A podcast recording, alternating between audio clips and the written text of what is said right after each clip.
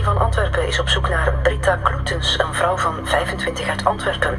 Mevrouw Kloetens werd op zaterdag 23 april voor het laatst gezien in Wilrijk. Dat wenst ik toch niemand toe, dat niemand weet waar dat die is. Het is er nu juist gebeurd. Waarom is dat moeten gebeuren? Waar is ze? De verkeerde plaats, de verkeerde persoon, ongelooflijk veel pech. Zo onterecht. Je hebt zo van die zaken waarvan je van in het begin aanvoelt van dit gaat niet goed komen. De verdwijning van Brita Kloetes. Aflevering 1. De start van het onderzoek.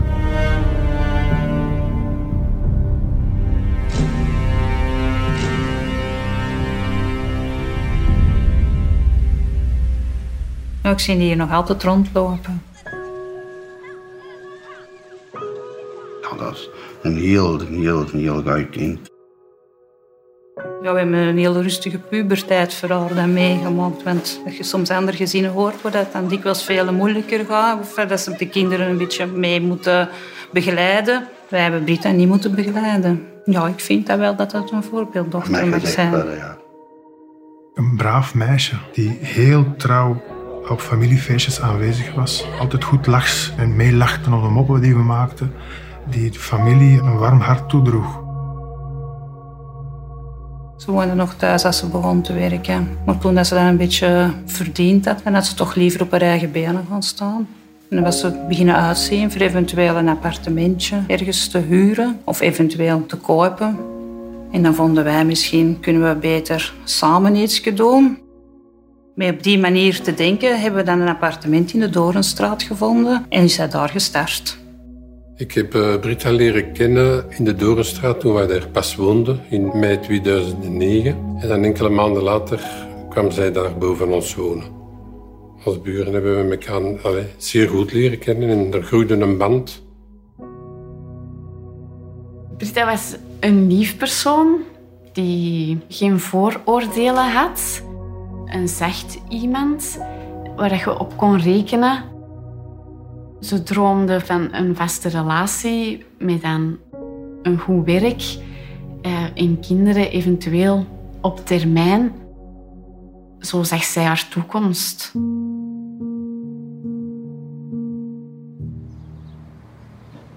Zaterdag 23 april was een enorme warme dag.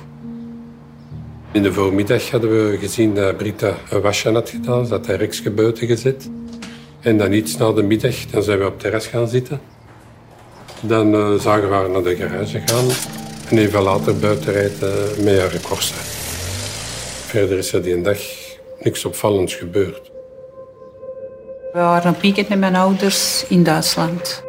We hadden wel gevraagd of zij niet wou meekomen, maar ik denk dat zij iets met een vriendinnetje wou afspreken. En zaterdag wou ik er s'avonds eens bellen voor te horen wat dat ze van de weekend zou gaan doen of als ze nog wegging. En ik kreeg ze ook niet aan de lijn. Vond ik ook al een beetje raar, maar ja. Zondagmorgen, dan eh, stond die was er nog. En dan begonnen we al te denken van, tja, dat is nou wel vreemd. Die laat haar was buiten staan. Deze persoon kan op dit ogenblik uw oproep niet beantwoorden. En dan in de late middag belde dan de moeder om te zeggen van, zeg, eh, ze pakt niet meer op.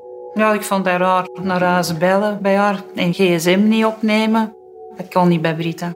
Die was altijd bereikbaar. Toen kregen we telefoon van mijn schoonmoeder, de, oma van, eh, van Britta. En die vroeg of dat, hebben jullie nog iets gehoord van Britta? We hebben al een tijdje geen contact meer. En haar mama heeft dagelijks contact met haar via de telefoon. Ze neemt niet op. Britta was een beetje overbewaakt, vonden wij. En we zeiden van, ja, god, ja, die zit op een heel goede wij, letterlijk en figuurlijk. De gsm is misschien platgevallen. Geen zorg. Ja, als we dan thuis zijn gekomen, ben ik tot op het appartement gegaan. Ik had al schrik voor de deur open te doen. Ik bel aan en er is niemand, niet ook niet. Dus ik ga dan met de sleutel binnen. Direct rondkijken heeft hier geweest van het weekend, is bed beslapen. Je weet niet meer waar dat je loopt op die moment. Dat, dat is echt voor zot van te werk. Je kunt ze niet gaan zoeken, je weet niet waar. En je weet toch dat er iets niet normaal is. Er is iets gebeurd.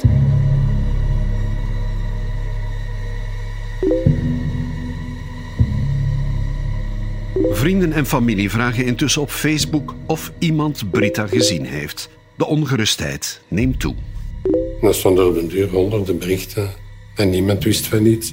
Ik wist al wel 100% zeker dat ze niet zomaar was vertrokken naar ergens of met iemand of zonder aan iemand te laten weten waar dat ze was. Ik, allee, ik voelde dat en ik wist zeker dat er iets niet juist was, dat ernstig was. Ik heb dan aangeraden aan de moeder om toch naar de politie te stappen, maar die zei ook altijd van ja, het is een volwassen vrouw, eh, die gaan toch niet veel doen waarschijnlijk. Ik ben ook nog nooit niet bij de politie in contact geweest. Ik vond dat ook zoiets, een stap zetten, naar een politiekantoor gaan. Ik vond dat heel moeilijk. En dan nog voor je eigen dochter dan te moeten gaan aangeven als vermist. Maar ja, op den duur moet je wel. Hè. Je kunt toch niet blijven wachten. Dat maakt het alleen nog moeilijker. Maar ik vond niet dat ik er goed weer ontvangen. Ik vond dat ik precies zo weer ontvangen van... Allee, een meisje van 25 jaar dat niet naar huis komt, is toch niet zo abnormaal. En toch zeker niet in de weekend. Je kan toch ergens nog bij een vriendje zijn gebleven of een uitstapje nog hebben gedaan. Maar met veel aandringen hebben ze dan toch beginnen te bellen naar de ziekenhuizen eventueel. Want het was dat wat ik misschien dacht, ze is misschien ergens verongelukt of in een ziekenhuis terechtgekomen. En dan kan ik ze ook misschien niet bereiken. De politie gaat s'nachts nog met de moeder naar het appartement van Britta. Alles lijkt op het eerste gezicht in orde. Niets wijst op een misdaad. En dan had de politie gezegd, we zullen nog afwachten. Ze zal misschien wel op haar werk verschijnen.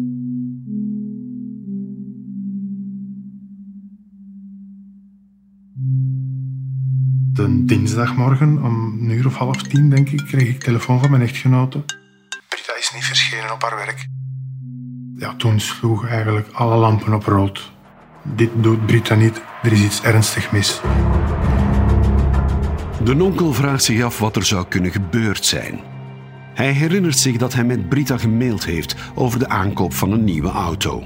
Wel, ze vroeg of ik eventueel kon helpen bij een extra korting of een goede deal te maken bij, bij, bij de aankoop van haar nieuwe auto.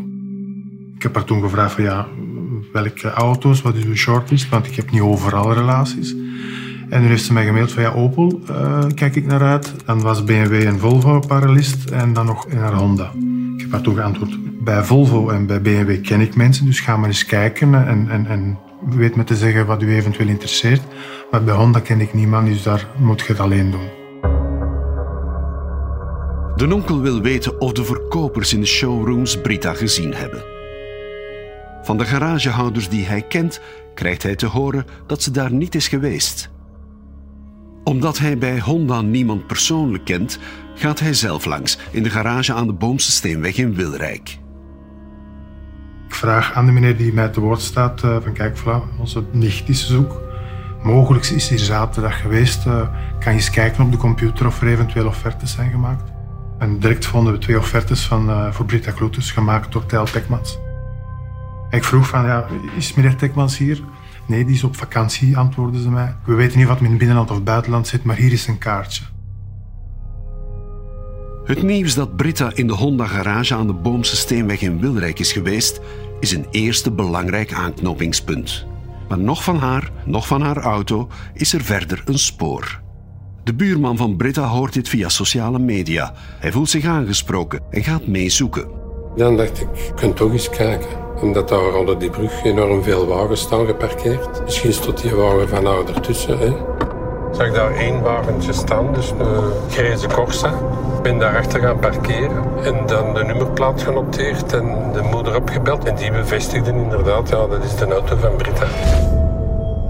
Dat is sowieso al een opluchting. Maar dan hebben we Britta nog altijd niet teruggevonden. En dan was het, ja, wat doet die auto daar op de Boomse Steenweg te doen? De politie onderzoekt de auto. In de koffer vindt ze een mand met boodschappen. Er was juist achter de Honda-garage nog een supermarkt en daar had ze dan haar laatste boodschappen nog gedaan. Dus toch mee het gedacht van naar huis te gaan en waarschijnlijk nog eten te gaan maken.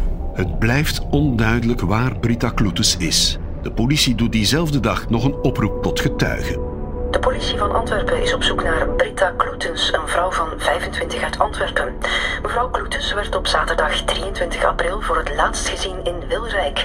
Ze had die namiddag enkele garagehouders bezocht aan de Boomse Steenweg, maar kwam s'avonds niet thuis. Haar wagen werd teruggevonden, maar van de vrouw ontbreekt ieder spoor.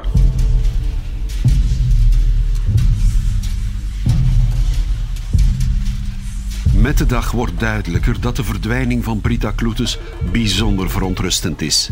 De federale politie neemt het dossier over.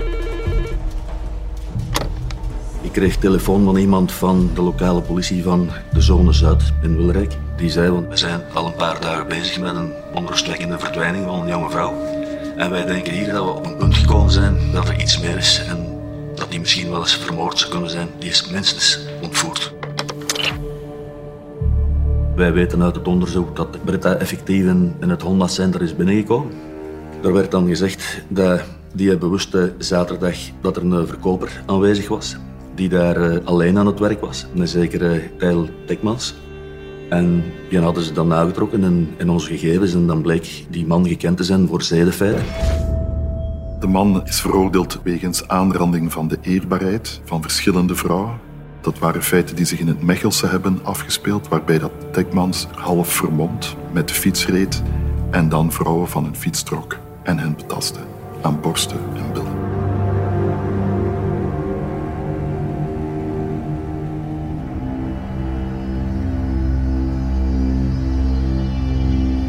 Tijl Tekmans kreeg in 2008 in de eerste aanleg een effectieve gevangenisstraf van drie jaar voor verkrachting. Hij tekende hiertegen beroep aan en moest daarom niet onmiddellijk naar de gevangenis. In beroep werd hij in 2009 vrijgesproken voor die verkrachting. Hij kreeg wel een straf voor aanranding. 18 maanden met uitstel. Daarom liep hij dus vrij rond. Het gerechtelijk verleden van Tekmans is verontrustend. Via telefonieonderzoek proberen de speurders het tijdsgebruik van Tijl Tekmans te reconstrueren en te achterhalen waar Brita zou kunnen zijn. Op de dag van haar verdwijning is hij vanaf kwart over vier ongeveer alleen in de garage.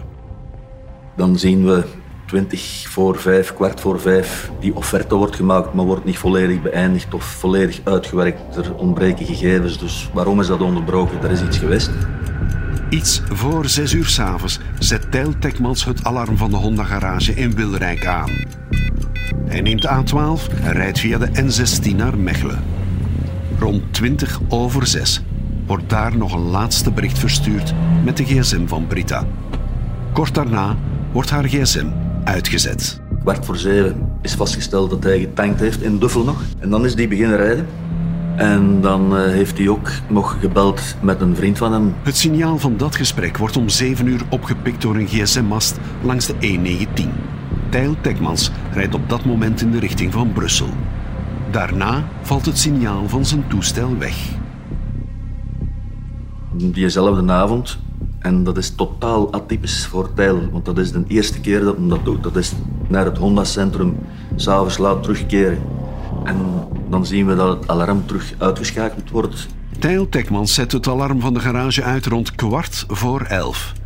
Hij zet het terug aan rond 20 over 11. Dus wat heeft hij daar gedaan gedurende die drie kwartier? Nu moet ik zeggen dat als wij die Honda Civic van hem hebben aangetroffen, dat die langs de buitenkant blonk die als een spiegel. De auto van Tijl Tekmans wordt in beslag genomen en onderzocht door het gerechtelijk lab van de federale politie. Buitenkant hebben we grondig bekeken met wit forensisch licht, heel fel. Dan gaan we op zoek naar anomalieën. Dingen die op het voertuig zitten, dingen die er niet horen te zijn. We zien geen spatten, we zien geen bloeddruppels. We zien eigenlijk een grote vlek die oplicht. Wat dat ons doet vermoeden natuurlijk dat er gereinigd geweest is of dat er een poging gedaan is om het zichtbare gedeelte te laten verdunnen tot het niet meer zichtbaar is. Ook een speurhond wordt ingezet. Die gaat op zoek naar sporen van bloed in de auto en duidt verdachte plaatsen aan. En die heeft interesse vertoond in de koffer en ook iets op de bestuurdersruimte. Als we het kofferdeksel openen, zien we plotseling een bundel haarvezels hangen aan een rubberen nop. En zien we ook op het koetswerk een eh, kleine bloedvlek. Dan hebben we eerst het voertuig ook eh, bemonsterd voor DNA, biologische sporen. Er stonden ook twee blikjes Coca-Cola, die hebben we dan ook bemonsterd. Het onderzoek van de auto levert erg belangrijke sporen op: bloed en haren. Al is het op dat moment nog niet duidelijk dat die ook van Brita Kloetes zijn. Blijkbaar heeft Tijl Tekmans een poging gedaan om die sporen te wissen. Maar dat is niet helemaal gelukt. Zonder dat hij dat zelf had ingeschat, denk ik, is hij hals over kop op verlof moeten vertrekken en laat hij wel die, die wagen achter. Hij had dus uh, een tijdsgebrek. Dus voor ons was het echt wel een voordeel dat hij niet in de onmiddellijke omgeving was van het voertuig, want dan had hij misschien nog meer gekuist en nog meer sporen kunnen laten verdwijnen. Tijl Tekmans is de dag na de verdwijning van Brita Kloetes op reis vertrokken naar Egypte. Daar geniet hij met zijn partner en dochtertje van een schijnbaar zorgeloze vakantie. Dat was een reis die hij gepland had, met handen op voorhand eigenlijk, dus het was geen vlucht. Hij wordt kinderwel gebeld door de Belgische politie, maar dat verontrust hem niet. En men belde hem dan op en ze vroegen dan aan hem van, heb je die vrouw niet gezien? Die is bij u in de winkel geweest, in, in de toonzaal. En ja, de Tijl zei van, dat hij zich die vrouw niet kon herinneren.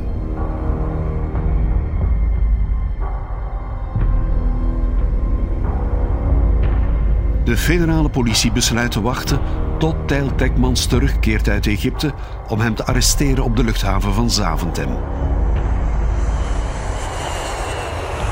Wij hebben zijn vluchtgegevens gecheckt en dan bleek dat hij met een heel vroege vlucht vanuit Egypte zou terugkomen op Zaventem. Nu was het wel zo dat op dat moment dat hij ons ziet staan, begint hij al aan zijn theater eigenlijk en aan zijn komedie. En dan zegt hij tegen, zie je wel dat ze hier staan? Ik heb het u gezegd, hè, dat ze mij terug moeten hebben. Hè. Als er iets gebeurt, ze moeten mij hebben. Dus hij had blijkbaar ginder toch wel gezegd, ik verwacht problemen, want er is iets met mijn vrouw. En gezien mijn verleden, gaan ze waarschijnlijk achter mij komen. Hij was gelaten, of hij speelde de gelatenheid eigenlijk zo'n beetje het zwarte schaap spelen.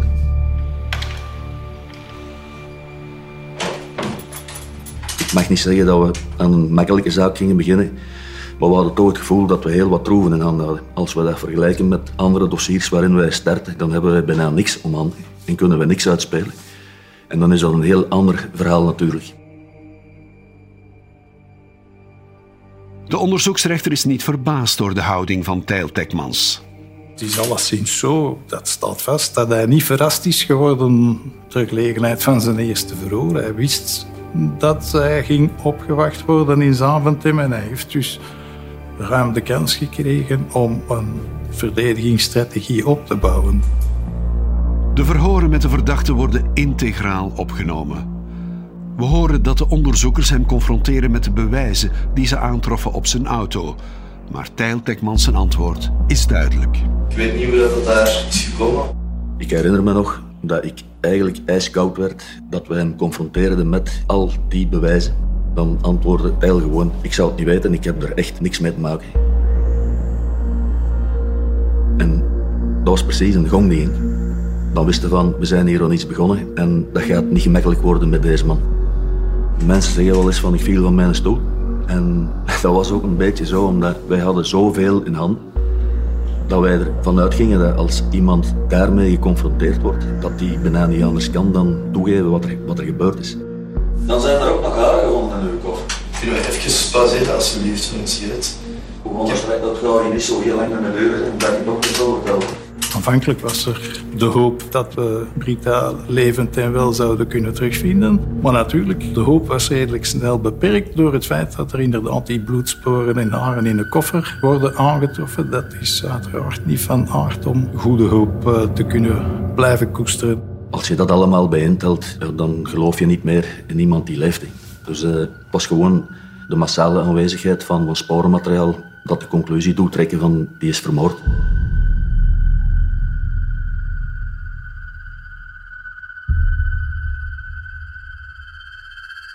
Tijl Tekmans houdt voet bij stuk. De speurders doen nu een beroep op zijn inlevingsvermogen door te wijzen op de gevoelens van de familie. die zich onrust zitten maken, die weten ook wel dat het ergste eraan komt. Die weten ook wel dat hij dood is. En die willen hun dochter begraven eigenlijk. Dat kan ik volledig begrijpen, maar uh, ik heb daar niks mee te maken. Dus en jij, en, jij kunt ons, jij kunt ons negeren. Want jij weet waar, waar dat hij is. Ik weet echt absoluut niet waar hij is. Je zag aan hem ook dat hij heel zenuwachtig was en hij was heel erg wanend. Geef ons gewoon dat ik ga. Nee, ik heb daar niks mee te maken. Maar dat, dat kun je niet blijven volhouden. Hoe dat je zelf bezig eigenlijk? Ja, ik heb daar echt, echt niks mee te maken. Je zult wel zien. Nadat hij geconfronteerd was met die materiële elementen en dat zijn de frank bij wijze van spreken begon te vallen, want ik zit hier echt wel in slechte papier, volgde er een rookpauze. Jeetje? Ja. En terwijl we aan de lift staan te wachten, begint hij precies zo heel zwaar te ademen. En wij zeggen dan, ja, Tijl, voelt u goed of wat is er aan de hand? En dan zegt hem zo echt bibberend en hijgend van, stel dat ik dat nu zou gedaan hebben allemaal, zou dat dan kunnen dat ik dat vergeten ben? En dan hadden we zoiets van, ja, die, die weet goed genoeg wat hij aan de hand heeft nu. Maar dan, als we terug boven kwamen, was die houding weer helemaal verdwenen. Je moet uh, dat nu niet eens schrijven, maar mag ik vragen of ben ik nu echt een enige verdachte. Dat is niet dat, uh, dat hij had afgesproken met iemand of zo, of, uh, of dat hij vijanden had, of, of dat hij een vriendje had. Mijn collega, zoals mijn collega het ook heeft uitgelegd, zijn er eigenlijk talloze aanwijzingen, indicaties in uw richting. En, en al met verder te zoeken. Dat zeg ik niet, hè? Want, ah, ja, wat zijn we bezig met u wat, wat, gaan, wat gaan we doen als die morgen ergens levend tevoorschijn komt? Dan gaat die familie echt gelukkig zijn. Maar jij weet dat, dat dat niet gaat zijn. En ik weet dat, dat dat niet zo gaat zijn. Krijg nog een laatste kans. Om die ouders dan toch nog een beetje troost te bieden. Zeg gewoon de waarheid. Daar, de waarheid. Ik heb daar niks meer toe te voegen. Dan sta je daar met ongeloof. Dan, dan zeg je van, hoe is dat nu mogelijk dat, dat die durft te zeggen dat het er niks mee te maken heeft. En dan een heel klein beetje denk je nog, we moeten het toch verder uitzoeken. Misschien heeft hem er wel niks mee te maken. Je houdt toch nog altijd de mogelijkheid open. Vanaf dat moment weet je dat je niet op de betrokkenen moet rekenen om de waarheid te achterhalen. En dus moeten alle registers opgetrokken worden om via de sporen die er waren het onderzoek verder te zetten en te trachten op een andere manier eh, aan de waarheid te geraken.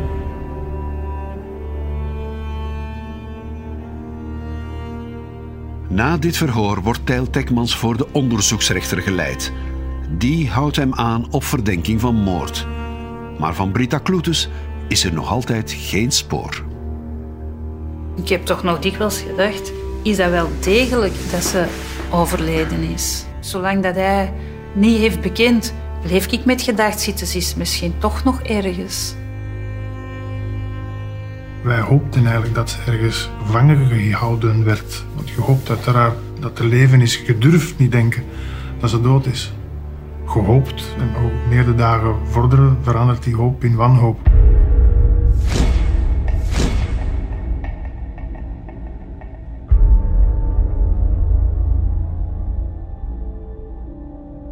U luisterde naar de eerste aflevering van De Verdwijning van Brita Kloetes. Mocht je na het horen van deze podcast nood hebben aan een gesprek, kan je terecht bij Teleonthaal op het nummer 106.